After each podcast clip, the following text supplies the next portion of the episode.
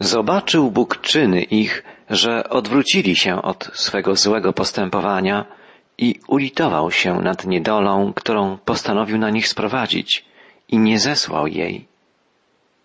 Tak kończy się opowieść przedostatniego, trzeciego rozdziału Księgi Jonasza.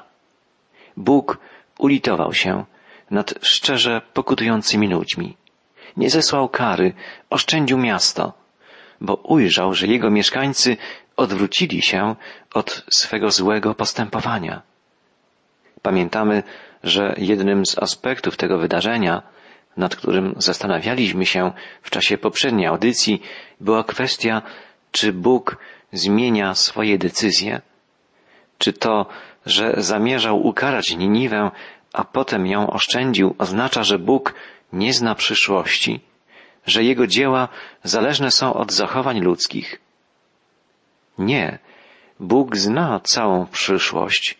Wiedział, że lud Niniwy ukorzy się, nawróci. Dlatego tak bardzo nalegał, by Jonasz poszedł do Niniwy. Sam prorok przewidywał, że może stać się tak, jak się stało, gdyż wiedział, że Bóg jest Bogiem miłosiernym, łaskawym, przebaczającym. Bóg wie o wszystkim, co się wydarzy, a jednocześnie pozostawia nam decyzję wyboru. Wydaje się nam to trudne lub wręcz niemożliwe do pogodzenia, ale taka jest prawda. Taka jest rzeczywistość, bowiem Bóg, pozostając poza przestrzenią i czasem, w której my żyjemy, którą On dla nas stworzył, sam jest ponad czasoprzestrzenią, ponad historią, wie o wszystkim, co się tu wydarzy, ale to nie zwalnia nas z odpowiedzialności za podejmowane decyzje. Na przykład Bóg wiedział, że Adam i Ewa upadną, że wybiorą samowolę, nieposłuszeństwo, grzech, a jednak stworzył ich, dając im wolną wolę. Mogli wybrać życie w harmonii z Bogiem, w posłuszeństwie Bożym, sprawiedliwym, dobrym poleceniom, albo życie samowolne, egoistyczne, z dala od Boga. Wybrali to drugie, bo wydawało im się, że będą wolni, odchodząc od swego Stwórcy i postępując tak, jak chcą oni, a stali się niewolnikami własnego egoizmu, własnego grzechu. Doświadczyli tego, że wszystko nam wolno, ale nie wszystko jest pożyteczne, że wszystko nam wolno, ale niczemu nie wolno dać się nam zniewolić.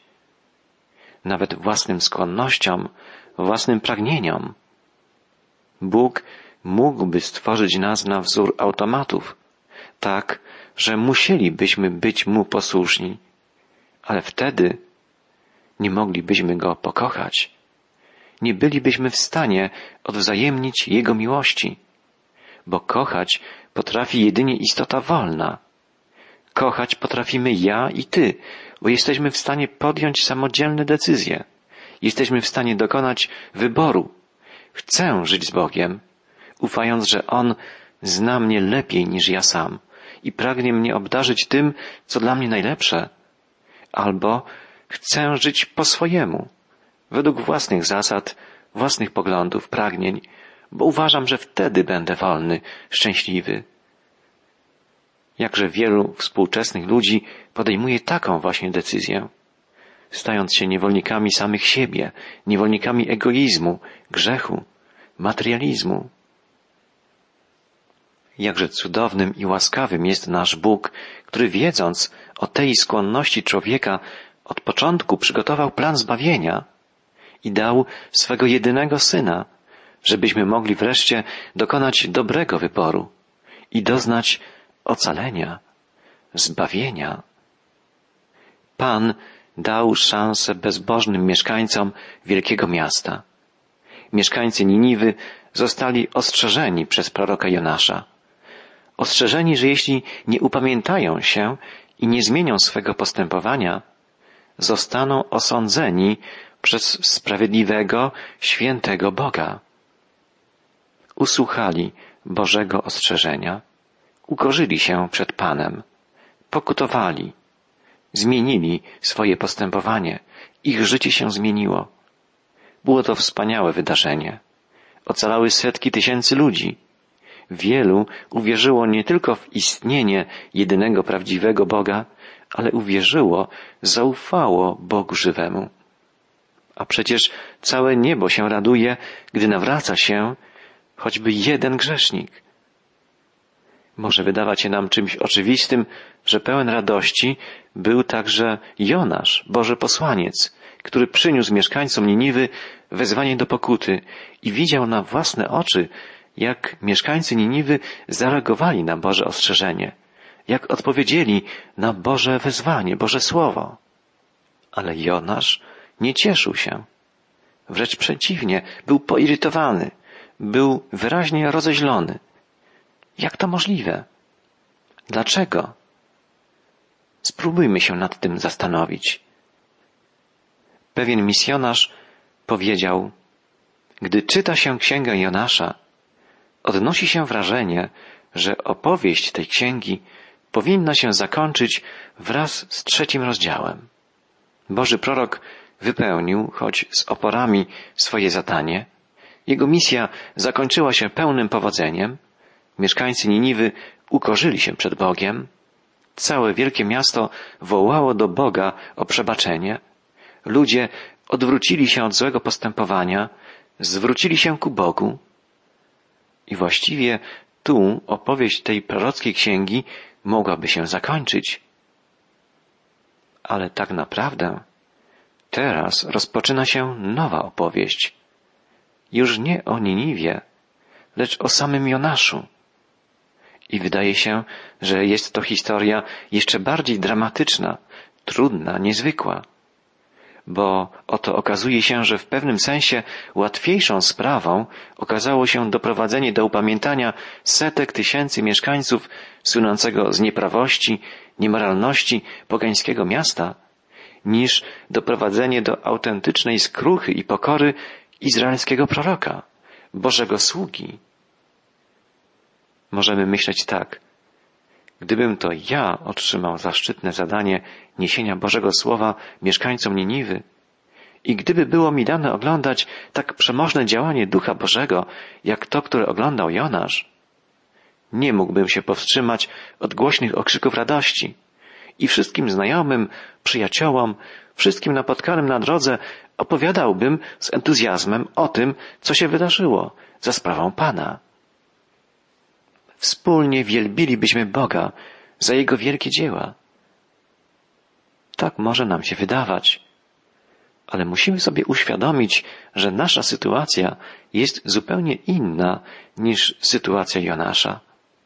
My nie zostaliśmy wysłani do miasta pełnego wrogich, zagrażających naszej ojczyźnie brutalnych wojowników. Nie zostaliśmy wrzuceni do szalejącego morza, nie przebywaliśmy trzy dni i trzy noce we wnętrznościach ryby. Nie wiemy, jak byśmy się czuli, gdybyśmy to my byli w skórze Jonasza. Jak byśmy się zachowali, gdyby przyszło nam przeżyć to samo, co on. Może nas dziwić to, że prorok, otrzymawszy wyraźne polecenie od Boga, by iść do Niniwy, zaczął uciekać w zupełnie innym, przeciwnym kierunku. Ale czy zdajemy sobie sprawę, jak często my na drogach naszego życia zmierzamy w zupełnie innym kierunku niż ten, który wyraźnie wskazuje nam Bóg? Jak często idziemy tam, gdzie, jak się nam wydaje, będzie nam lepiej, wygodniej, łatwiej? Jonasz niechętnie szedł do Niniwy i chętnie opuścił to miasto, gdy wypełnił swoją misję. W piątym wierszu czwartego rozdziału Księgi Jonasza czytamy Jonasz wyszedł z miasta, zatrzymał się po jego stronie wschodniej, tam uczynił sobie szałas i usiadł w cieniu, aby widzieć, co się będzie działo w mieście. Jonasz opuścił Niniwę i zatrzymał się w miejscu, z którego mógł obserwować miasto. Zrobił sobie szałas, żeby skryć się w cieniu. I wydaje się, że chciał odpocząć. Chciał choć przez chwilę mieć tak zwany święty spokój. Na pewno był zmęczony po tak dramatycznych przeżyciach ostatnich dni. Bóg pozwoli mu odpocząć, a nawet sprawi, że w pobliżu wyrośnie krzew, którego cieniu Jonasz będzie mógł się ukryć na dobre. Ale Bóg będzie także rozmawiał z Jonaszem. Nie będzie go strofował, ani do niczego zmuszał. Bóg niczego nie czyni na siłę. Jest zawsze delikatny, cierpliwy. Szanuje wolę człowieka. Nie łamie wolnej woli, którą dał każdemu z nas. Pan będzie rozmawiał z Jonaszem w sposób łagodny, mądry, będzie go uczył, przekonywał, ukaże mu jego egoizm i dowiedzie, że lepsze niż samolubstwo są altruizm, wspaniałomyślność, wyrozumiałość, miłosierdzie. Z tej pracy nad Jonaszem także i dla nas wypłyną ważne wnioski. Spójrzmy więc na Jonasza i przysłuchajmy się jego rozmowie z Bogiem. Czytamy, ulitował się Bóg nad Niniwą. Nie podobało się to Jonaszowi i oburzył się. Modlił się przeto do Pana i mówił, proszę, Panie, czy nie to właśnie miałem na myśli, będąc jeszcze w moim kraju?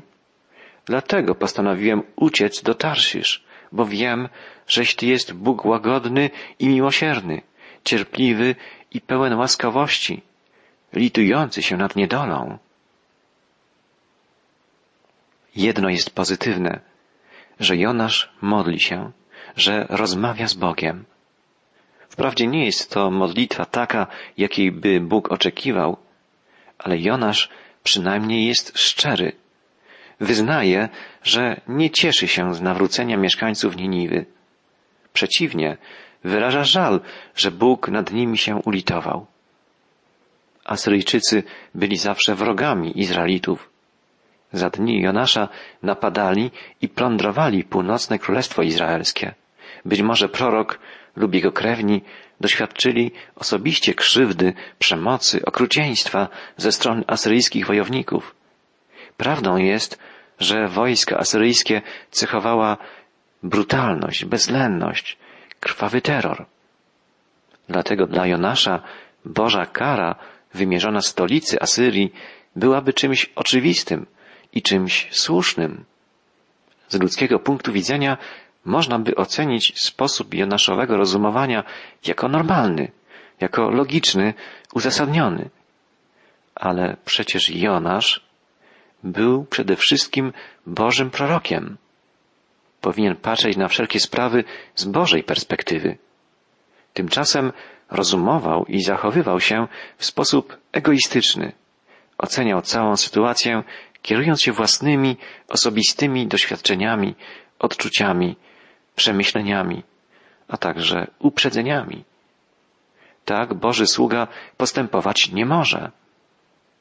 Niektórzy komentatorzy poddają nawet wątpliwość, czy Jonasz znał Boga. Jego postępowanie było tak buntownicze, okazywał Bogu nieposłuszeństwo, czynił mu wyrzuty. Czy to znaczy, że tak naprawdę Jonasz nie znał Boga? Nie, to byłyby wnioski zbyt daleko idące. Jonasz znał Boga. Świadczą o tym chociażby słowa jego modlitwy. Panie, wiem, żeś Ty jest łagodny i miłosierny, cierpliwy i pełen łaskawości, że litujesz się nad niedolą. Jonasz wiedział, jakim jest Bóg. Problem w tym, że chciał mieć Boga łaskawego, miłosiernego, tylko dla siebie, nie dla swoich wrogów. Posłuchajmy, z jaką goryczą, z jakim żalem Jonasz zwraca się do Pana. Teraz, Panie, zabierz proszę duszę moją ode mnie, bowiem lepsza jest dla mnie śmierć niż życie. Te słowa coś nam przypominają. Podobnie modlił się Eliasz. Ten wielki prorok także życzył sobie w pewnym momencie śmierci. Kiedy słyszymy pełne goryczy i zniechęcenia słowa Jonasza, możemy pomyśleć, no tak, Był on prorokiem zbuntowanym, nieposłusznym Bogu. Dlatego był rozgoryczony. Ale kiedy słyszymy podobne wyznanie w ustach Eliasza, uważanego przez wielu za największego z proroków, musimy zadać sobie pytanie, dlaczego dochodzi czasem do tak drastycznych kryzysów, nawet w życiu wielkich ludzi wiary. Spójrzmy przez chwilę na sytuację, w jakiej znalazł się prorok Eliasz. To pomoże nam zrozumieć lepiej bohatera naszej audycji Jonasza, a może też zrozumieć samych siebie. Okoliczności, w jakich Eliasz, wielki prorok, życzył sobie śmierci, opisuje pierwsza księga królewska. Czytamy tu w rozdziale dziewiętnastym. Król Achab opowiedział Izabel wszystko, co uczynił Eliasz, jak kazał wybić mieczem wszystkich proroków Baala. Wtedy Izabel wyprawiła gońca do Eliasza z takim poselstwem. To niechaj uczynią bogowie i niechaj to sprawią, że jutro o tym czasie uczynią z Twoim życiem to samo, co stało się z życiem każdego z nich. Zląkł się więc i ruszył w drogę, aby ocalić swoje życie. Poszedł na pustynię o jeden dzień drogi, a doszedłszy tam, usiadł pod krzakiem jałowca i życzył sobie śmierci, mówiąc, dosyć już, panie, weź życie moje, gdyż nie jestem lepszy niż moi ojcowie. Eliasz uczestniczył w bardzo dramatycznych wydarzeniach. W obecności tysięcy ludzi modlił się na górze Karmel i Bóg w odpowiedzi na jego modlitwę zesłał ogień z nieba. Potem prorok dokonał egzekucji 450 proroków Baala, zabijając ich mieczem. Potem nadciągnęły chmury i lunął ulewny deszcz, który Bóg zesłał również w odpowiedzi na modlitwę Eliasza. Było to wielkie zwycięstwo proroka w walce o przywrócenie wiary wśród ludu Bożego i zerwanie z rozwijającym się stale kultem pogańskim.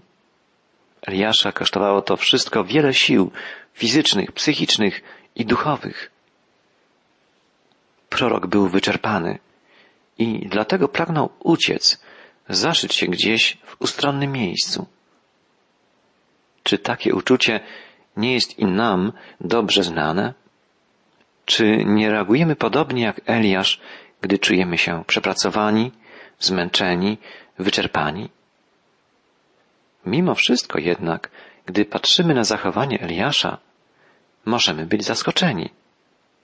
Jak to wielki mąż Boży, który doświadczył tego, że w odpowiedzi na jego modlitwy działy się wielkie cuda, ucieka przed złą kobietą, która grozi mu śmiercią?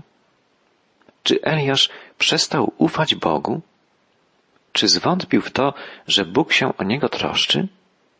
Czy zwątpił w Bożą moc?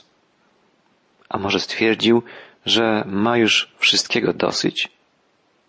Dlaczego? Może komuś z nas jest wręcz wstyd za proroka, który wczołgał się pod drzewko na pustyni i życzył sobie śmierci. Czyż człowiek wiary nie powinien być zawsze odważny, pełen nadziei, energii, życia? Co się stało z prorokiem? Czy to ten sam człowiek, który jednego dnia unicestwił kilkuset pogańskich proroków? Czy to ten, który rzucił wszystkim wyzwanie, jeśli Pan jest żywym Bogiem, służmy Mu? Spróbujmy sobie odpowiedzieć na te pytania. Czy jest możliwe to, żeby człowiek wiary nigdy się nie uląkł? Nigdy nie czuł się bezradny? Pomyślmy o wielkim mężu Bożym Mojżeszu. Czy nie miał on chwil, w których czuł się bezsilny, przemęczony, zniechęcony? A wielki wojownik, król Izraela, wspaniały poeta i pieśniarz Dawid, czy nie wyznaje nieraz w swoich psalmach, że czuje się osamotniony, osaczony przez wrogów, że zamiera w nim dusza i że nie wie, co dalej robić? Są pewne granice, nawet u ludzi wielkiej wiary, granice wytrzymałości, granice zmęczenia, granice fizycznej i psychicznej odporności. Tacy mężowie Boży jak Mojżesz czy Dawid służyli Bogu wspaniale. Wykonywali dla Boga wielką pracę, ale mieli chwile, w których czuli się przemęczeni, zniechęceni, osamotnieni. Podobnie czuł się prorok Eliasz po wydarzeniach na górze Karmel. Był przemęczony, wyczerpany. Gdyby nie był tak zmęczony, zapewne nie uciekałby przed Izabel i jej groźbami. Eliasz był odważnym człowiekiem. Stanął w obronie żywego Boga, kiedy cały lud izraelski, za przykładem Izabel i Achaba, zwracał się ku pogańskim bożkom. Eliasz nie obawiał się stanąć w pojedynkę przeciw tak licznej rzeszy. Nie obawiał się zgładzić 450 fałszywych proroków Baala. Ale ten odważny, bezkompromisowy człowiek miał wrażliwą, szlachetną duszę. Był w gruncie rzeczy człowiekiem łagodnym i uczuciowym. Podobnie wrażliwym, emocjonalnym człowiekiem był Dawid, Jeremiasz, a także Jonasz. Spójrzmy jeszcze raz na proroka Eliasza. Wyczerpany, przemęczony, woła, już wielki czas, panie. Odbierz mi życie. Co uczyni Bóg? Czytamy, potem położył się i zasnął pod krzakiem jałowca. Lecz oto dotknął go anioł i rzekł do niego, wstań, posil się. A gdy spojrzał, oto przy jego głowie leżał placek upieczony i dzban z wodą. Posilił się więc i znowu się położył. Lecz anioł przyszedł po raz drugi, dotknął go i rzekł, wstań, posil się, gdyż masz daleką drogę przed sobą. Eliasz potrzebował odpoczynku. Bóg o tym wiedział i zesłał na proroka sen. Eliasz spał jak dziecko. Potrzebował też żywności. Bóg zatroszczył się więc o posiłki dla niego na pustyni. Eliasz na przemian spał i jadł, jak niemowlę. Pan wiedział, że jego prorok potrzebuje fizycznego i psychicznego odpoczynku i zatroszczył się o wszystkie jego potrzeby. Moglibyśmy zapytać, kto przygotowywał posiłki, które spożywał Eliasz? Wydaje się, że ten sam ktoś, kto przygotował śniadanie dla uczniów na brzegu jeziora Genezaret. Następnego dnia po swoim zmartwychwstaniu. On znał wszystkie potrzeby swoich uczniów. On, Pan, znał wszystkie potrzeby Eliasza, a także Jonasza.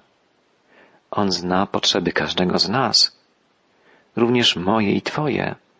Bóg znał potrzeby Jonasza, wiedział, że Jonasz jest wyczerpany, zmęczony. Dlatego nie karcił proroka, gdy ten życzył sobie śmierci. Zatroszczył się o niego, pozwolił mu odpocząć i potem cierpliwie go pouczał. Będziemy o tym mówić w czasie następnego spotkania. Bóg jest łagodny i miłosierny. Jest cierpliwy i pełen łaskawości. Lituje się nad niedolą, także moją i Twoją.